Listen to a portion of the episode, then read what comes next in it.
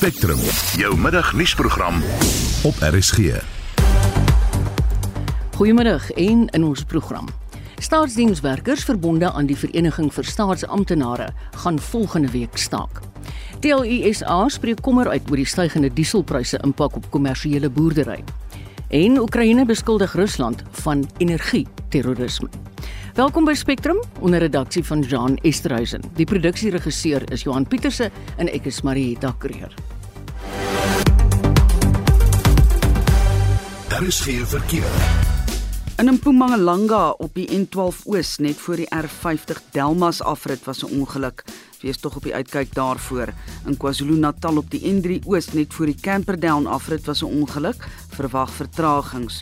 Op die N11 tussen Newcastle en Lady Smith het 'n vragmotor omgeslaan. Die pad word nie versper nie, maar daar is bedrywighede aan die gang om die toneel langs die pad op te ruim. In Gauteng op die R24 Oos net na Edenvale weg was 'n ongeluk, die regterbaan is gesluit. Op die N17 Oos net na Osborne weg was 'n ongeluk waarin verskeie voertuie betrokke is, twee bane is gesluit. As jy verkeersnuus het, stuur 'n SMS na 45889 teen R1.50 en begin die boodskap met die woord verkeer asseblief.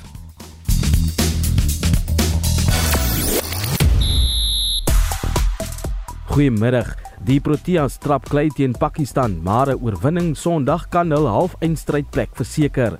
Die Blitsbokke begin 'n heel nuwe era onder leiding van 'n nuwe afrigter die naweek wanneer die Hong Kong Sewes reeks afskop. En Carlos Alcaraz en Novak Djokovic haal die kwart eindronde van die Parys Meesters toernooi.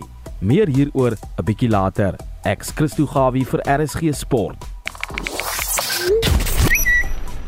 Soos vroeër in die nuusbulletin genoem, Hitsmerk Hitsmerk World Bank is besig om opslae te maak op sosiale media. Die Wêreldbank het Suid-Afrika se lening van 9 miljard rand goedgekeur om die ou steenkoolkragstasie, die Komati kragstasie in Mpumalanga in 'n groen in 'n groen kragaanleg te omskep. Ons wil graag weet. President Cyril Ramaphosa sê Eskom het nou 'n nuwe raad en hulle moet 'n kans gegee word om die kragverskaffer reg te ry. Maar ten minste een politieke party, die EFF, eis dat die bestuur van Eskom onder leiding van Andre de Ruyter vervang moet word omdat die kwessie van beurtkrag erger eerder as beter word. Wat is jou mening? Laat ons asseblief weet. Stuur 'n SMS na 45889 teen R50 per boodskap of praat gerus saam op die Monitor Spectrum Facebookblad. Dink julle die probleem lê by Andre de Ruyter en sy bestuur al dan nie? 8 minute oor 12. Welkom terug by Spectrum. Die Vereniging vir Staatsamptenare, die FSA, gaan donderdag 10 November met 'n landwyse staking begin. Dit volg nadat loononderhandelinge steeds op 'n dooie punt is en die regering 'n eensydige verhoging van 3% aangekondig het. Ons praat nou met Stefan Viljoen van die FSA wat ons op hoogte bring met waar sake nou staan. Hallo Stefan. Ja, goeiemiddag Marita en goeiemiddag aan die luisteraars. Wat was julle aanvanklike mandaat, Stefan? Uh, ons aanvanklike mandaat was vir 'n 10% verhoging toe ons by die onderhandelinge begin het uh vroeër in die jaar. En hoeveel lede het julle ouens en hoeveel gaan aan die staking inderdaad deelneem? Maar het ons het so 235000 lede in die staatsdiens. Uh dit is moeilik om vir jou aan te dui presies hoeveel van hulle sal deelneem aan die stakings want van daai lede van ons is ook in noodsaaklike dienste Ja. wat hulle werk en dis kan hulle nie aan die staking deelneem wettiglik nie. Maar wat is julle algemene gevoel as julle oor die staking praat onder julle lede? Wel ons lede is uh, is nie tevrede met wat die aanbod is wat die staat vir ons aangebied het nie. En dis die enigste oplossing wat ons het is om dan met die staking te begin om hopelik die uh, staat te forceer om met 'n beter aanbod vir 'n dag te kan kom sodat ons dit kan aanvaar en kan implementeer. Stefan, jy het nou verwys na noodsaaklike dienste. Kan ek jou vra watter staatsdiensdepartemente gaan geraak word? Ehm um, die departement van binnelandse sake gaan geraak word, uh landbou, departement van arbeid, ehm um, enige departement wat nie polisie is of uh gesondheid uh of Ja. dan social development nie. Ja. ja. Wat is julle ouens se oogmerk met hierdie protesoptrede of gaan julle lede voor die kantore van hulle onderskeie werkplekke protes aanteken of wil julle iets bereik? Wel ons ons uh, beoog om moontlik die staat te druk om met 'n beter aanbod voor 'n dag te kom. Die 3% wat hulle heidaglik aanbied is net nie aanvaarbaar vir ons lede nie. Ons het reeds met uh, betogings begin of optogte by verskeie departemente reg deur die land gedurende etenstye mm. en dan sal ons vanaf die 10de met groot uh, optogte wat ons gaan stap deur die strate en na verskeie staatsdepartemente toe gaan gaan en 'n uh, memorandum oorhandig aan aan die werkgewer ja en as jy hoop dat hulle inderdaad dan 'n bietjie hulle aanbod sal verhoog. Ons hoop so. Ons hoop hulle sal besef dat in in vandag se tyd kan hulle nie bekostig om die staatsdiens tot stilstand te bring nie. Ehm um, as jy dink enige iemand wat sy uh, identiteitsdokument wil gaan hmm. hernie of 'n paspoort nodig het, sal dit kan doen nie. Ehm um, as jy by grensposte gaan aankom, gaan jy nie kan geproseseer kan word om deur te kan gaan nie. So ons hoop hierdie druk oor die staat te bring om ten minste daai 3% verhoging vir ons bietjie hoër te maak. Nou maar baie sterkte Stefan, ons ek seker ons gaan nader in die tyd en selfs tydens weer baie met die FSA gesels. Dit was Stefan Viljoen van die Vereniging vir Staatsamptenare oor die staking wat op 10 November beplan word. Kampvegters teen geslagsgeweld sê die geld wat gebruik is vir die onlangse presidensiële beraad kon skuilings en programme wat slagoffers help befonds het. Mitsie van der Merwe berig. Latifa Jacobs het die nie-regeringsorganisasie Aurora begin. Dit bied hulp aan beseerde en getraumatiseerde vroue en kinders. Die safe spaces vir mense om te groei in kinders veral is so minimin. As jy kyk vir Menenberg, daar is soveel parke in Menenberg, maar daar's 'n een kind wat kan speel in hy parkie. Daar's biblioteke wat se deure oop staan, maar is dit accessible vir ons arme gemeenskap? Dit kos 'n kind in Kuilsrivier twee taksies om by een biblioteek te kom. En dis hoekom op Mandela Dag het ons in ons gemeenskap 'n klein biblioteek begin het die beraad teen geslagsgebaseerde geweld sedert 2018 gehelp om die baie gevalle van geslagsgeweld te verminder. Ons sit weer eens by 'n tweede summit en die figures van hoeveel mense was gestraf gewees is weer eens opgenoem. Ons is moeg van hoor daar was 5 in hierdie streek gestraf en 7 of 8 het life gekry. Ons wil weet van hoeveel lê op die hoofrol vir jare. Ons wil hoor wat is die stappe wat geneem word deur die backlogs wat hulle het vir DNA. Ons wil weet hoeveel rypsake lê daar. Hoeveel rypsake het deur die mat geval en hoekom? Wat word gedoen in die plek van Suid-Afrikaanse polisie lede? Hulle is nie getrein, fully train om te hanteer wat die gemeenskap deurmaak nie. Training wat jy 20 jaar terug gekry het. Jaap nie vir wat gebeur het vandag in die gemeenskap nie. Die geld wat die beraad gekos het, kon die slagoffers van geslagsgebaseerde geweld op ander wyse gehelp het. Ons kan 'n verdomde safehouse gebou het met die ding. En seker nog 'n fonds sit vir nog so 'n jaar of twee. Ek hoop net as daar die volgende summit opkom, as daar 'n summit is. Dis my tweede summit en ek dink dis regtig 'n waste van geld. Dink daar's ander maniere hoe om hulle boksies af te tik want dis was net 'n ander tik of the box of public participation waar die government geskonsern is. Latifa Jacobs is die stigter en direkteur van die Aurora huis om mishandeles te ondersteun. Mitsi van der Merwe, SAK nuus. Tydens die week se presidensiële beraad oor geslagsgeweld in Midrand, het dit aan die lig gekom dat die land steeds 'n agterstand van 71000 DNS-toetse het. In September is berig die agterstand staan op 240 000 monsters. Dit sou beteken dat 169 000 uitslae binne 'n kwessie van sowat 2 maande ingehaal is. Ons praat nou met Ian Cameron, die hoof van gemeenskapsveiligheid van die drukgroep Action Society. Goeiemôre. Hallo Marita. Gaan dit goed, Ian? Dit gaan goed. Ek is bly. Sê, dink jy enigsins dis moontlik dat die inhaal van die agterstand teen so vinnige tempo kon vorder?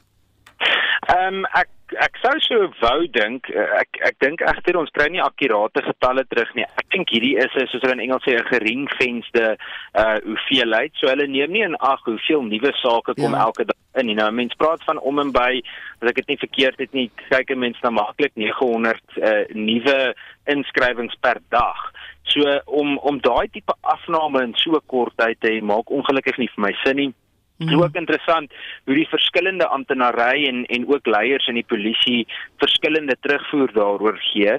Die feit van die saak is net dit is nou die derde of vierde uh uh sogenaamde oplossings of afsluitingsdatum wat minister Bekkie Cele gemis het. Die laaste belofte was dat dit in Oktober uitsorteer sou wees en dit is nog steeds. Dit bring my by die vraag, dink jy daar is 'n organisasie, 'n staatsdepartement, 'n plek of 'n mens wat regtig wel vir mense kan sê presies wat die agterstand is?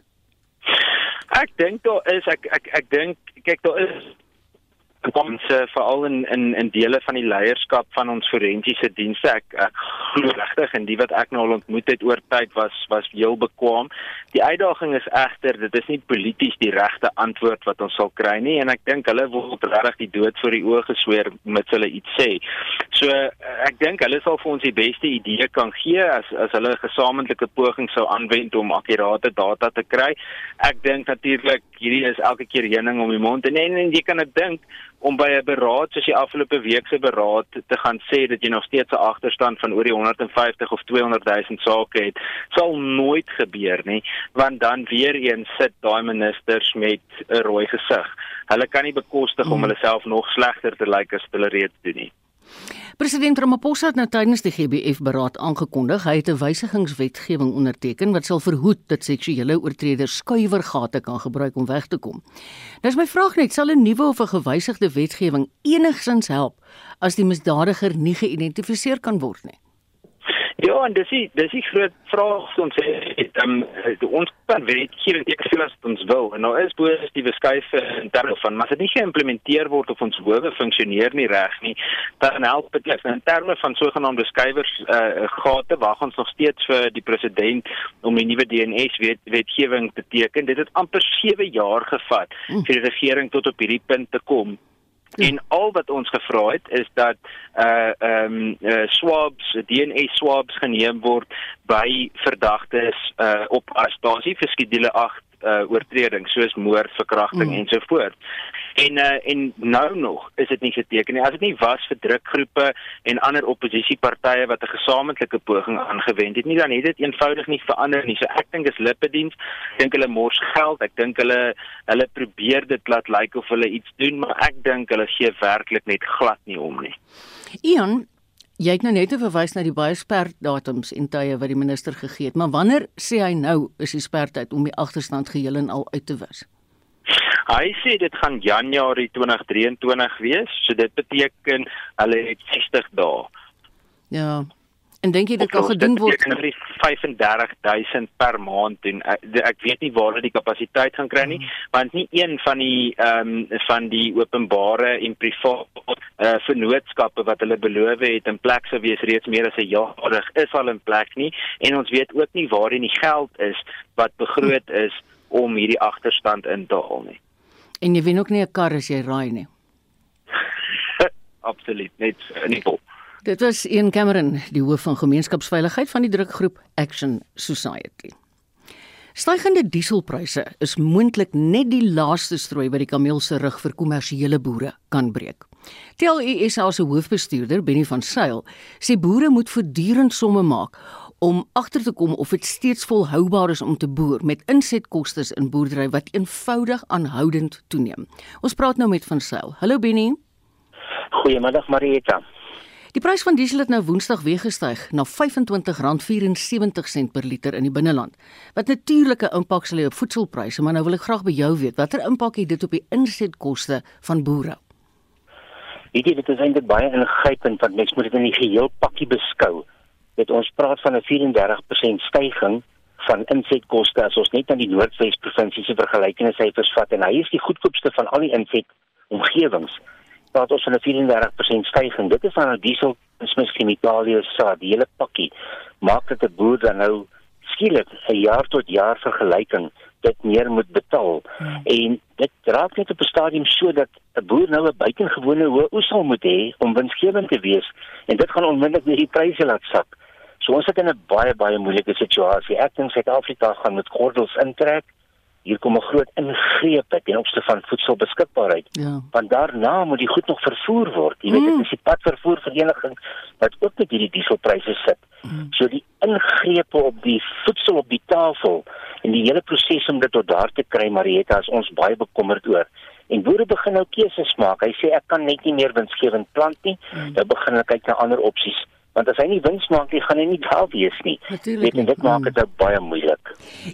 jy weet binne ons verwys nou na ekskuus tog beerdkrag en sulke dinge want kyk kragopwekkers begin dan sekerlik 'n groter rol te speel en dit beïnvloed tog seker ook die insetkoste.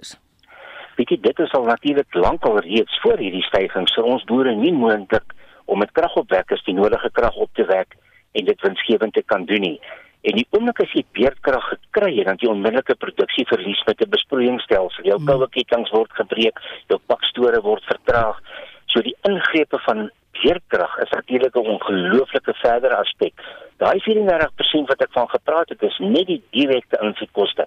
Ek praat nie nog van die kragrekening nie, van die minimumloon wat nou alweer wil styg nie, vervanging van toerusting, die huur van jou grond as jy dit huur. Daai goed moet tog bykom weet jy so dit raak regtig vandag 'n uitdaging en ek dink die regering moet besef dat die strategiese waarde van voedselsekerheid vir die hele land is belangrik en daarom sal ons moet kyk in hoe mate kan daar gestabiliseer word tot watter mate kan ons ons boere in produksie hou en ek dink dit is krities belangrik. Wat stel jy voor as 'n moontlike oplossing? Dit die die eerste ding is ons ekonomie moet groei. Ehm um, ons moet werklik waar meer kapasiteit skep en daarom moet ons met 'n gesonde beleidsomgewing tafel toe kom. En ek sê op plaasant, ons kan nie met goed soos onteiening sonder vergoeding rondspeel nie. Mense sê vir my van oorsee ons wag en kyk, ons wil nie belê in jou land nie. Dit is 'n seermaak ding. Ons moet ja. gaan kyk en hoe mate kan ons regtig die regte kundigheid gebruik op al die verskillende plekke dat ons effektiwiteit tafel toe bring. Produktiwiteit moet styg in ons land. Dit is baie belangrik en dan weet ek nie ons het nie die kapasiteit nie Marieta dat dit is die geld is nie daar nie. Dit is lankal um, met korrupsie verloor of wat ook al nie. Maar as ons 'n diesel rabat kan laat styg, dat ons ten minste net bietjie stabilisering kan inbring. Ons staan nou in die beginpunt in die midde van 'n plantseisoen wat baie baie diesel nou brand om daai voedsel in die grond te kry dat ons agterna 'n produksieproses aan die gang kan kry. So dit is 'n groot uitdaging. Ons land is nie op die oomblik op 'n goeie plek nie. En ek dink ons moet almal hande bymekaar sit om te sê wat kan gedoen word, maar die grootste rolspeler hier wat moet help met stabiliteit is die regering en ongelukkig beleef die hele ekonomiese sektor hom as afwesig om die regte dinge te hmm. doen. Hy moet die regte stimulus uitgooi dat ons kan besigheid doen en die ekonomie groei dit is hoe ons onsself kan uitpresteer uit die realiteite van vandag. Wat is die lede van TLUSA se ervaring? Hoe tegemoetkomend is banke? Weet jy die banke en ons verstaan dit ook se aptyd vir ehm um, landboufinansiering het begin kwyn. Hulle die risiko van landbou het vir hulle te groot geraak. Ons weet almal wat die landbank se realiteite op die oomblik. Hmm. Hy het sy eie uitdagings Die ander finansiële instellings help nog, maar hulle kyk ons seker konservatief na die boer se terugbetaalvermoë. Hulle wil dit baie eenvoudig in 'n konservatiewe besigheidsplan sien wat hulle weet haalbaar is. Anderste is die bank baie traag om nou graag en um, finansiering te gee. Die krediet wet beperk hulle in elk geval ook. Hulle kan nie risiko krediet hmm. verleen nie, jy weet. So landboufinansiering is 'n groot uitdaging. Ons sit met ongeveer 200 miljard rand se landbouskuld in ons land. Dis 'n groot uitdaging hoor om dit gedoen te kry. Ja, en as dit nou nog boonop as jy sê boere gaan dan begine dink om dalk uit te tree uit die bedryf. Ek meen dan het 'n mens werklik waar 'n probleem. Baie dankie vir jou tyd Benny. Dit was die hoofbestuurder van TLUSA, Benny van Sail. Van Suid-Afrikaanse landbou na die buiteland. Oekraïne se president Volodymyr Zelensky het die Kremlin beskuldig van en ek haal aan energie-terrorisme.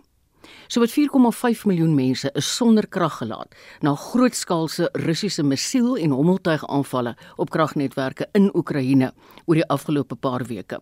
Zelensky sê 1/3 van die land se kragnetwerke word geraak. Ons praat nou hier oor met solidariteit se hoof van internasionale skakeling Jaco Kleinhans. Hallo Jaco. Goeiemiddag Marita. Kom ons kyk na die term energie-terrorisme. Dis 'n nuwe soort terrorisme wat hier ter sprake is, né? Nee?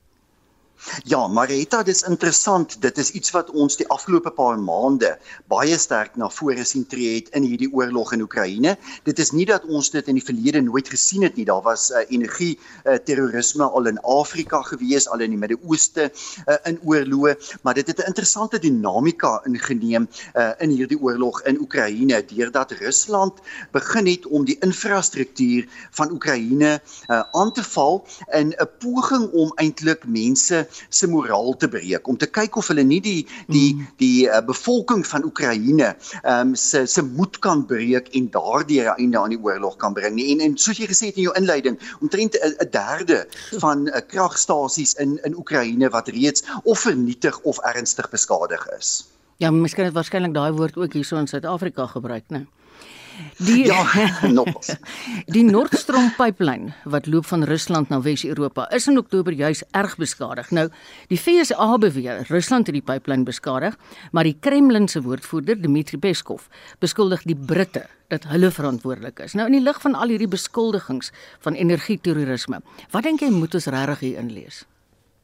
Ja, ek dink ons moet hieroor baie bekommerd wees, Marita. Ehm um, die die hele idee van energie uh, terrorisme is nie net iets wat tans afspeel uh, in Oekraïne, met ander woorde tussen Rusland en Oekraïne nie. Dit speel ook af tussen Rusland en die weste in die algemeen. Ehm um, natuurlik probeer Rusland ehm um, deur die beïnvloeding van die energieaanbod in Wes-Europa, ehm um, ook uh, uh, eintlik Europeërs uh, se die politiek in Europa beïnvloed om uh, om eintlik Europeërs uh, te ontmoedig om Oekraïne te ondersteun. So mm. ons het gesien um, hierdie aanvalle op die gaspyplyne. Dit was naby Denemarke en Swede gewees.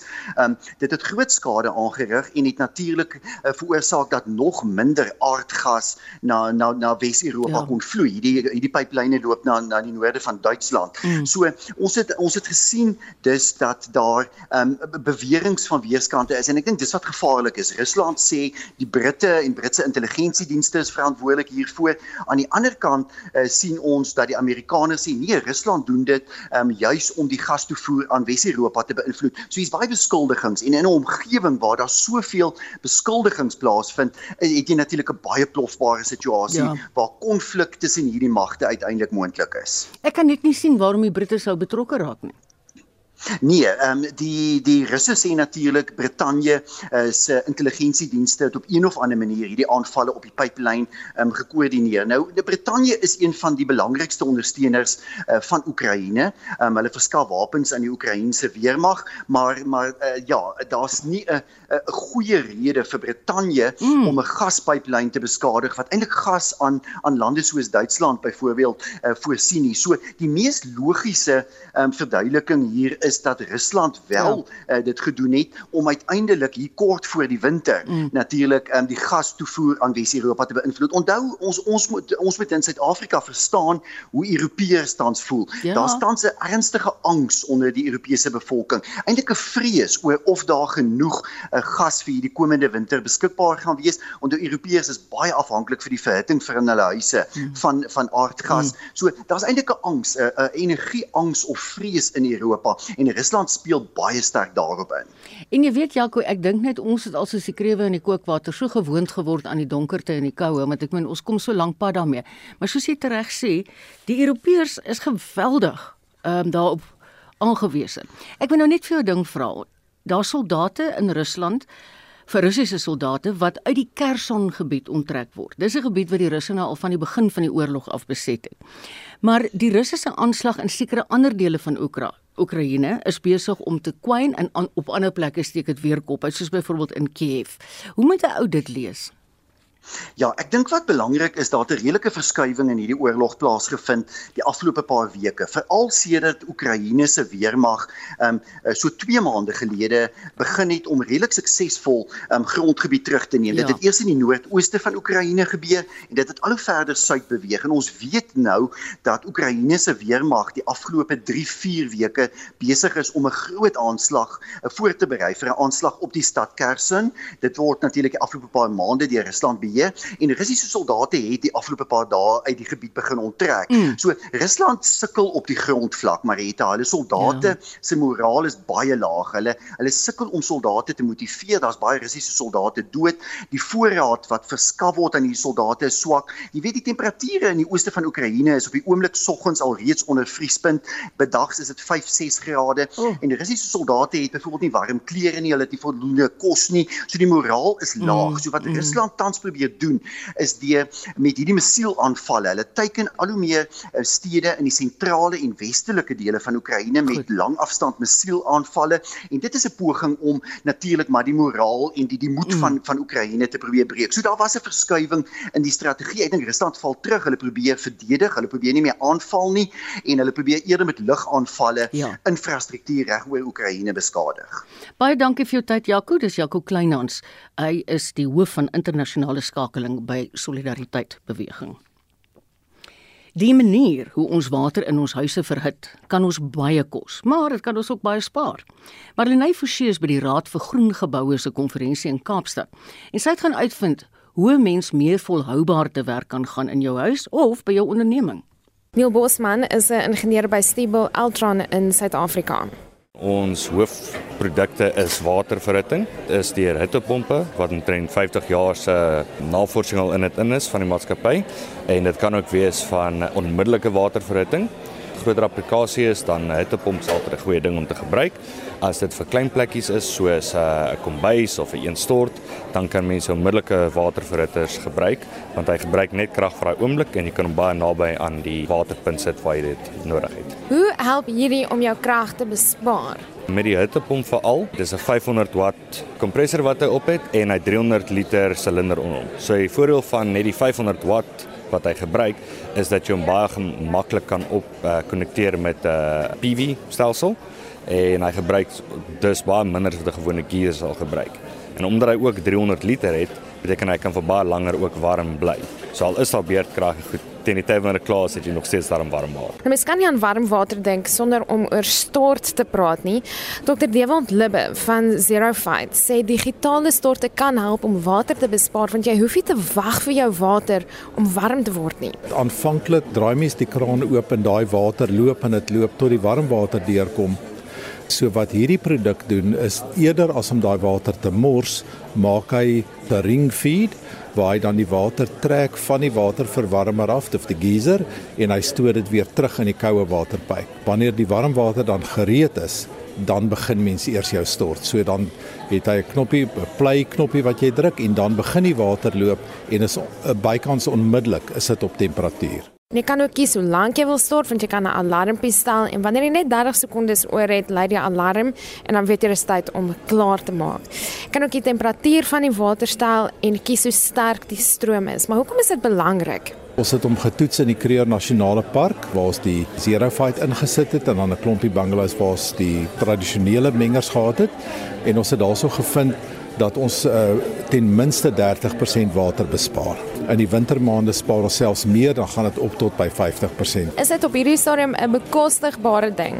Die produk self kos so net onder die R10000 wat heeltemal goed vergelyk met die meer luukse watermengers wat jy kan koop. En dan het hy nie die waterbesparingselement. Nog 'n manier om elektrisiteitsverbruik te verminder is deur natuurlike lig toe te laat in geboue. Darren Blomenstein is die hoofbestuurder van Duro Plastic en hy sê dit is een van hulle doelwitte. Ons doen keerskyn en takplate. Nuwe produk hier op die mark is 'n 100% um, recycled produk, so daar's geen nuwe materiaal daar binne nie. En ons hele maatskappy gaan oor disruption in die mark en waar ons kan 'n groot verskil maak om die sonskyn in geboue te bring, goedkoper en 'n um, ehm, beter manier as in die ou dae. Maar dis nie al wat julle doen nie, veral wat besoedeling in die see betref. Een van ons um sustermaatskappye is Omegaverse en dit is die grootste 5-axis milling masjien, 'n CNC masjien en hy het ook 'n 3D printer. So ons doel is dat ons kan vir al die sea waste, al die plastiek wat rondom in die see lê, vat en nog 'n keer maak in iets wat 'n verskil kan maak vir mense se lewe, so byvoorbeeld meubels of rolstoele of beddens of iets wat ons kan 'n verskil vir die mense maak. Dit was Tyrone Blommestein, die hoofbestuurder by Duro Plastic, Marlene Forsie, SAK nuus, Kaapstad. Jy luister na Spectrum. Elke week saterdag tussen 12 en 1. Die volgende lê voor in vandag se program. Ligte vliegtuie word ingespan in die stryd teen renosterstropery. En jong vroue begin hulle eie groen inisiatiewe om 'n volhoubare toekoms te skep. Bly gerus by ons.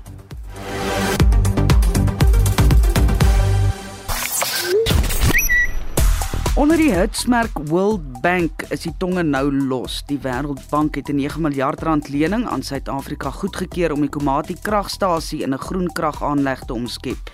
Ene Ricardo van Mpumalanga sê sy eerste en grootste bekommernis soos elke Suid-Afrikaner is die tenderbedrog wat gaan volg. Rajiv sê die internasionale monetêre fonds en die Wêreldbank is twee bose organisasies. En nog 'n gebruiker sê ons nageslag se nageslagte en diesin daarna gaan steeds betaal aan die skuld en lenings wat aangegaan word weens Eskom en die land se kragkrisis. Ons het terugvoer gevra na aanleiding van president Ramaphosa wat gesê het Eskom het nou 'n nuwe raad en hulle moet 'n billike kans gegee word. Nou is daar ouens soos die EFF wat klaar insê maar dit gaan oor die bestuur en Andre de Ruyter moet vervang word. Baie dankie ons het geweldig terugvoer van die luisteraars gekry. Onafhanklik sê de Ruyter en sy span doen goed. Almal weet dit gaan sleg wees voor dit beter word. Hy het al baie vermag, daar is net nie ligte aan te skakel nou nie.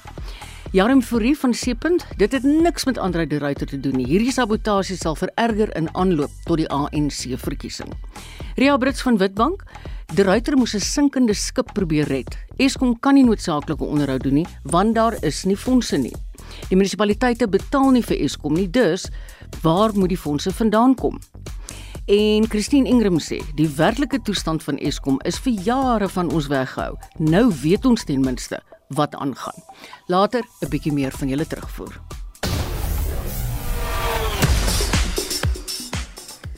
Ons gaan nou oor na Christo Gawie toe op die sportveld.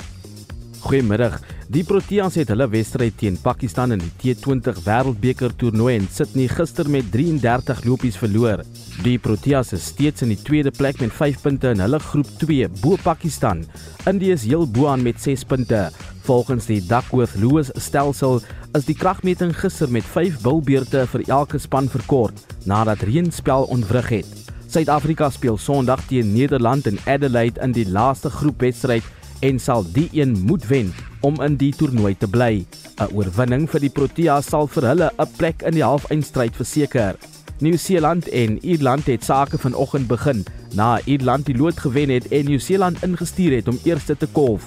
Die Ierse bowler Joshua Little het 'n driekens behaal, maar die Nieu-Seelandse kaptein Kane Williamson se 61 lopies het sy span na 185 vir 6 gelei in hulle poging om vandag 'n halfeindstryd by die Wêreldbeker toernooi te beklink. In antwoord hierop kon Ierland slegs 150 vir 9 in hulle 20 bilbeurte aanteken. Australië en Afghanistan is reeds teen mekaar in aksie tans. Môreoggend kom Sri Lanka en Engeland teen mekaar te staan. In rugby het Ierland die sterkste span gekies om môre teen die Springbokke uit te draf met die veteraan Conor Murray wat sy 100ste wedstryd vir Ierland speel. Die afrigter Andy Farrell het presies dieselfde voorspelerspan gekies wat Nieu-Seeland in Julie in Wellington in die derde toetsbeslissing geklop het. Die Ierse kaptein Johnny Sexton maak sy 109de verskyning vir sy span. Half 8 môre aand is die afskop van die toetskragmeting. Die Blitsbokke begin 'n heel nuwe era onder leiding van Sandile Ngobo die naweek wanneer die Hong Kong Sevens reeks afskop. Die Blitsbokke is reeds vandag in hul openingswedstryd net na 12 in aksie teen Uruguay. Môreoggend net na 7 uur kom Suid-Afrika teen Brittanje te staan en net na 11 môreoggend teen Frankryk. Die wêreld se nommer 1, Carlos Alcaraz, het Grigor Dimitrov gister in reguitstelle op sy geskuif terwyl Novak Djokovic sy Parys-meesterstitel verdediging voortgesit het deur ook die kwart eindronde te haal. Alcaraz het die voormalige wêreld se nommer 3, Dimitrov, met 6-1 en 6-3 in 72 minute verslaan. Djokovic het die Russiese Kachanov met 6-4 en 6-1 geklop. Die 20-jarige Italiaanse tiener Musetti het die derde gekeerde Casper Ruud in 3 stelle 4-6, 6-4 en 6-4 geklop. Die 50 gekeerde Griek Stefanos Tsitsipas het Corentin Moutet met 6-3 en 7-6 verslaan. In die damesafdeling het Coco Gauff en Daria Kasakina vroeg vanoggend Suid-Afrikaanse tyd sake teen mekaar uitgespook, waar Kasakina geseëvier het met 7-6 en 6-3. En dit was Christo Gawie wat vir ons gesê het wat gaan aan in die sportwêreld. Ons is op pad na 20 voor 1 toe. Anglo American Platinum het 4 Bathawk ligte vliegtuie aan die nasionale kreer Wildtuin oorhandig.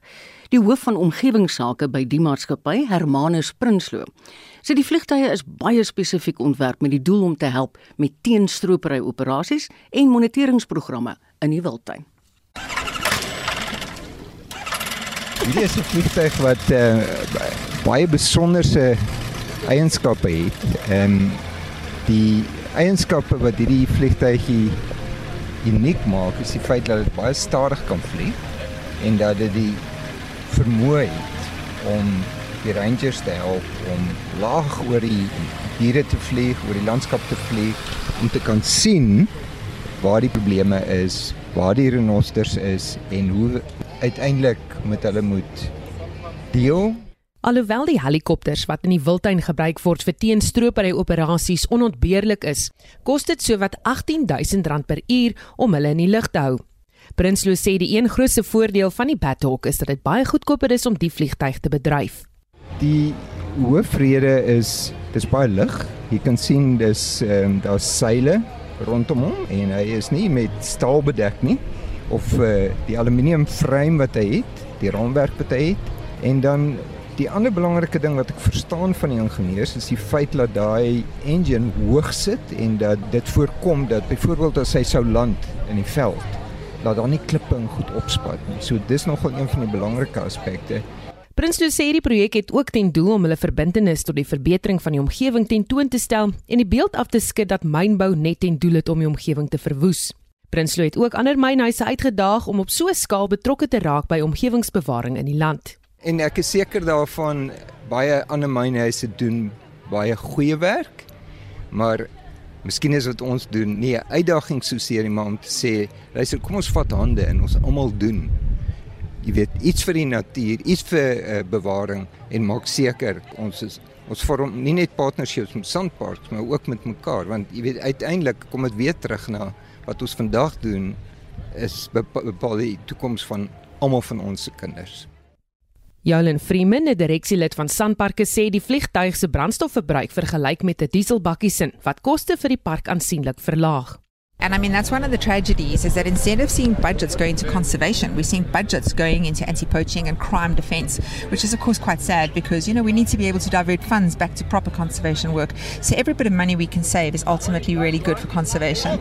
Uh, I can't give you the statistics exactly, but I've been told that they operate about the same amount as a diesel bucky once they're in the air. So, you know, obviously insurance and maintenance has a cost, but once they're running, they're no more expensive. And in some cases, I've been heard that they're even slightly less expensive because diesel buckies in Joburg traffic always stopping and starting, and these guys don't.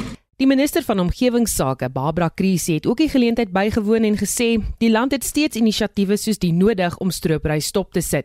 Sy het ook weer beklemtoon hoe belangrik die rol van veldwagters is in die stryd teen stropery. Well, I think that without our rangers, we will not be able to fulfill our constitutional mandate of ensuring that we preserve our environment for current and for future generations. Um, these men and women are extremely brave, they're very dedicated, they work long hours. You can feel how hot it is today, it's 30 um, degrees.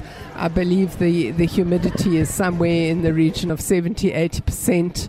Can you imagine being on foot and patrolling in this kind of weather?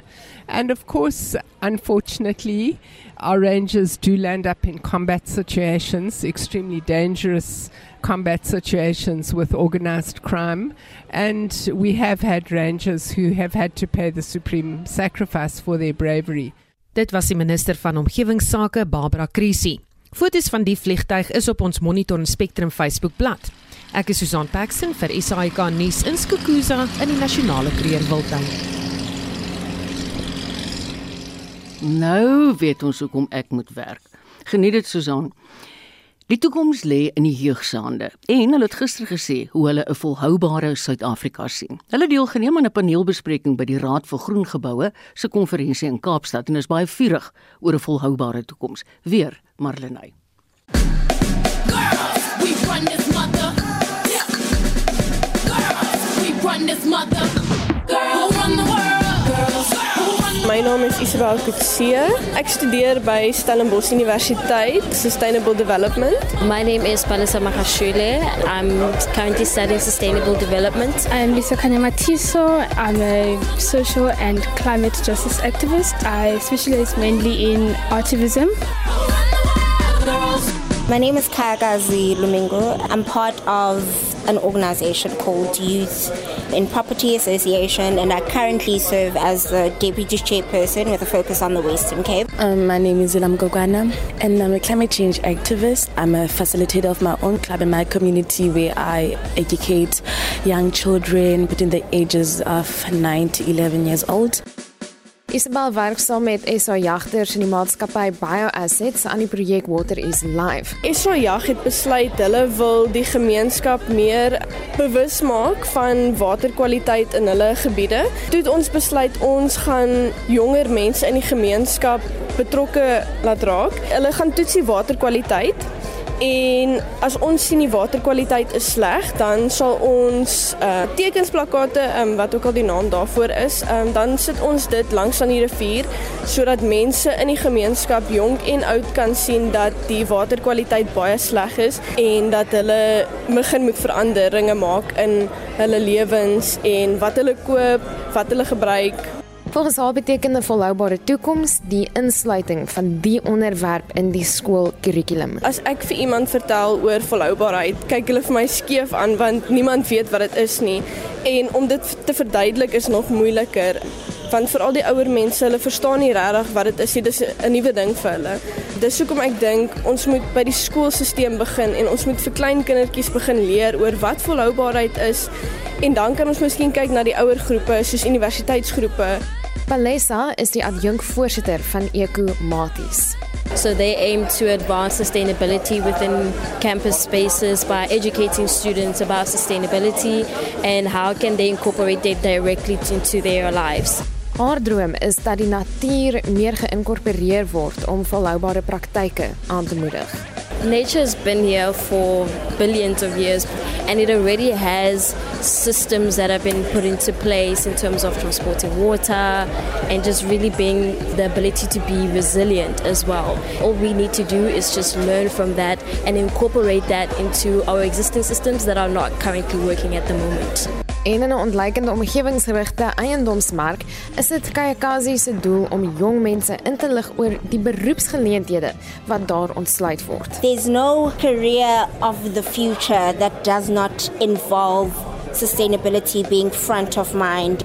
We are providing access to opportunities that would have otherwise not been there. So, effectively, trying to level the playing field.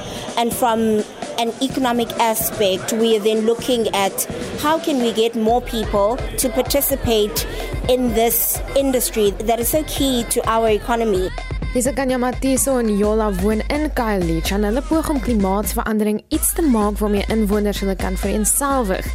Lisa Kanya Matiso deur kuns en Yola deur 'n omgewingsklub wat sy as 11-jarige gestig het. Hulle gaan die land in Egipte by COP27 verteenwoordig. So you can't just use Antarctica as an example, but you need to bring examples that, like, okay, no, I actually relate to this. This is what happened to me. So there were floods in KZN.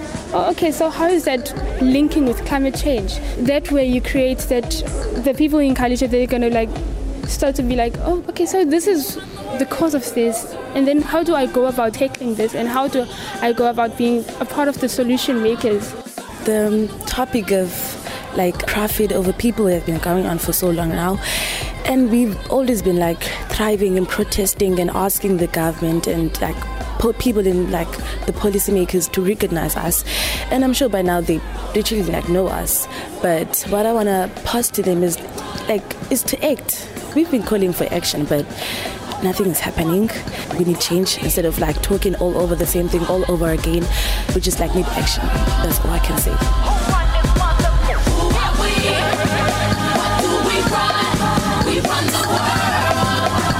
So klink dit wanneer die jeug moue oprol en planne maak vir 'n beter toekoms. Marlene Forsie, SAK nuus, Kaapstad. Girls, girl. Karel de Jong is 'n portefeuljebestuurder by Sanlam Private Welvaart en hy het vir ons die jongste sake nuus. Goeiemôre Karel. Goeiemôre Marita. Op ons plaaslike beurs verhandel die algehele indeks op 67553 punte. Dis 1506 punte hoër. Die finansiële indeks teen 15515 vlakke of 0.86% hoër. Die industriële indeks verhandel teen 80751 punte. Dis 1970 punte hoër. En die hulpbron indeks hoër teen 63211 oftewel 3.74% op. In Europa verhandel die FTSE 100 teen 7254 punte of 66 punte hoër en die Duitse DAX op 13300 of 1.31% hoër. Tans verhandel die rand teen R18.24 teen die Amerikaanse dollar, R17.38 teen die euro en R20.45 teen die Britse pond. Op die kommoditeitsfront verhandel goud tans teen 1648 dollar per fyn ons, platinum teen 935 dollar per fyn ons en olie teen 97 dollar per vat. En daarmee terug na die ateljee. En dit was Karel die Jong van Sanlam Private Welvaart wat ons op hoogte gebring het van ons welvaart. Dis Vrydag en dit beteken tyd vir teaternuus met Frans Swart. Andre Swart doen sy produksie My Pad met Webber by die Atterbury Theater op 13 November. Swart neem ons op sy persoonlike pad saam met die musiek van Andrew Lloyd Webber. Ons sien en hoor waar en wanneer die beeldskone Webber liedjies impak gemaak het op sy lewe en wat die huidige betekenis daarvan is. Hierdie gesprek en sang skop af van dat Andre 13 jaar oud is toe hy tweede gekom het in 'n sangkompetisie met 'n Andrew Lloyd Webber liedjie One More Angel in Heaven. Liedere soos Music of the Night, Any Dream Will Do, Love Changes Everything en Memories sal deel wees van die vertoning. Die baie gewilde produksie Kersklanke met Karel Trigard en Petro Wessels is terug by die Pierneef Theater in Pretoria vanaf 18 tot 20 November. Jobie Koen, die bestuurder van die Pierneef Theater, sê die produksie gaan oor Kersfees stories. Die produksie bring stories oor Kersfees, stories uit Suid-Afrika, stories ook van verre lande. Dit word aangebied deur Karel Trigard, Petro Wessels en Katrin Holm. Koen sê dit is die 24ste seisoen van Kersklanke. Hierdie is reeds die 24ste seisoen van hierdie gewilde Kersproduksie en mense kom keer op keer terug om te kom luister. Dit is uh, nostalgies van aard, daar's ook ligte oomblikke, daarom bring dit vir mense die volle omvang van Kersfees tuis. Kom luister gerus en ervaar die ware gees van Kersfees. Nathaniel is by die Drostdy Theater in Stellenbosch op 19 November met sy produksie Vroeg Kersfees. Nathaniel verbreek sy eie dekade lange tradisie van 'n jaareinde teaterproduksies en bied vir jaar slegs 'n paar unieke Kerskonserte aan. Hy sê vroeg Kersfees is inspirerend, vertroostend, dramaties, opwindend, humoristies, tydloos en natuurlik eenmalig.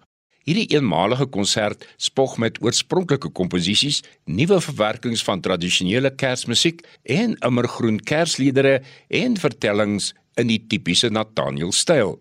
Nathaniel deel die verhoog met die Stanway pianis Charles Duplessis. Die Britse supergroep Smokey kom uiteindelik Suid-Afrika toe nadat die Suid-Afrikaanse toer vir 'n paar keer uitgestel moes word as gevolg van COVID. Smokey sal op 15 Desember by Grand West in Kaapstad optree, 16 Desember by die Sunbet Arena in Pretoria en op 17 Desember by Carnival City in Johannesburg. Persone wat reeds in 2020 kaartjies gekoop het vir die Smokey vertonings, kan hulle kaartjies omruil by enige tak van Computicket. Klassieke komedie, oftewel classical comedy, is 'n wisselwerking tussen die Durbanse Stadsorkes en Macbob Produksies. Die skreeusnaakse Aaron Mickelroy en Lisa Bobbert is baie braaf as hulle die ruimte van die simfonieorkes betree en dit natuurlik op komiese wyse. Geen sonate is heilig in hierdie produksie nie en geen beweging onsterflik nie. Hulle migreer van Bach na Beethoven tot Tchaikovsky se Radetzky Mars. Die regisseur is die talentvolle Darren King. Hierdie klassieke komedie gaan beslis 'n kadensa bereik. Stuur gerus jou teaternuus aan frans@lefra.com. Sluit aan by ons Facebookblad Teaternuus en besoek gerus ook www.teaternuus.co.za. Dit was Frans Swart met teaternuus. Kom ons som die dag se nuusstories op saam met Estie. Hallo Estie. Hallo Marita. Die adjunkminister van die Departement van Water en Sanitasie, David Maslobo, het vandag 'n strafregtelike klag ingedien teen die Jagersfontein Ontwikkelingsmyn op grond van die oortreding van die Waterwet. Die damwal wat in September meegegee het, het na bewering besoedeling aan die omgewing en aan waterbronne veroorsaak. In Oekraïne het president Volodymyr Zelensky die Kremlin beskuldig van energieterrorisme nadat sowat 4,5 miljoen mense sonder krag is na grootskaalse Russiese missiel- en hommeltuigaanvalle op kragnetwerke oor die afgelope paar weke. Zelensky sê 1/3 van die land se kragnetwerke word geraak.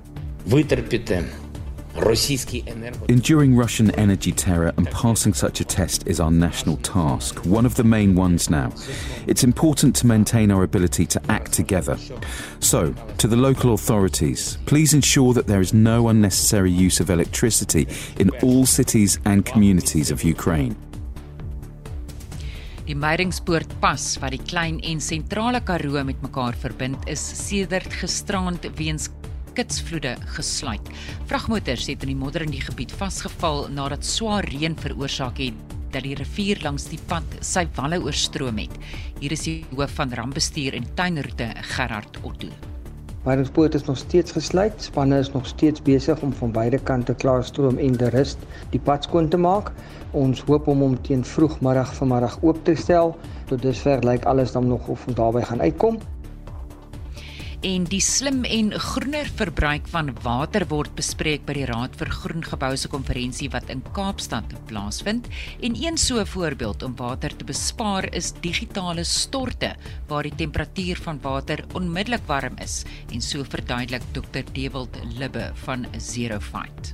Aanvanklik draai mens die kraan oop en daai water loop en dit loop tot die warm water deurkom So wat hierdie produk doen is eerder as om daai water te mors, maak hy 'n ring feed waar hy dan die water trek van die waterverwarmer af of die geyser en hy stoot dit weer terug in die koue waterpyp. Wanneer die warm water dan gereed is, dan begin mense eers jou stort. So dan het hy 'n play knoppie wat jy druk en dan begin die water loop en is bykans onmiddellik op temperatuur. En is 'n 4-dag werkweek in Suid-Afrika moontlik en sal dit ooit oorweeg word?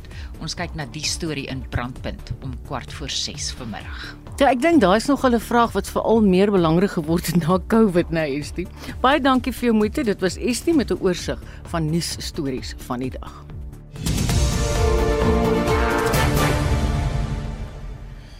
Nog terugvoer, dink julle die bestuur van Eskom moet wy? Johan Engelbreg van Dispatch sê, Andre de Ruyter en Jan Oberholzer veg 'n opdraande stryd om Eskom te red. Malema behoort nie eens vermeld te word oor die snert wat hy kwytraak nie. Hoe sou hy nog al die gemors opgelos het? Tulla Jansen sê wat help 'n nuwe raad as onbevoegde mense op die terreine werk? En daardie September sê die Eskom koei is nog lank nie droog gemelk nie. Laat hulle Eskom heeltemal tot nut maak, dan kan ons met 'n hernubare energieprogram begin. Dankie vir jou inskakel vanmiddag hierso by Spectrum. Onthou gerus, vanmiddag kwart voor 6 lê brandpunt voor waar hulle vir ons die dag se nuus opsom. Natuurlik het ons ook naweek aktueel môre. Ek groet intussen namens ons uitvoerende regisseur Nicoline de Wee, die redakteur Jean Esterhuizen en die produksieregisseur is Johan Pieterse. Ek gee hom met 'n lekker hart oor aan die 360 ateljee in Kaapstad.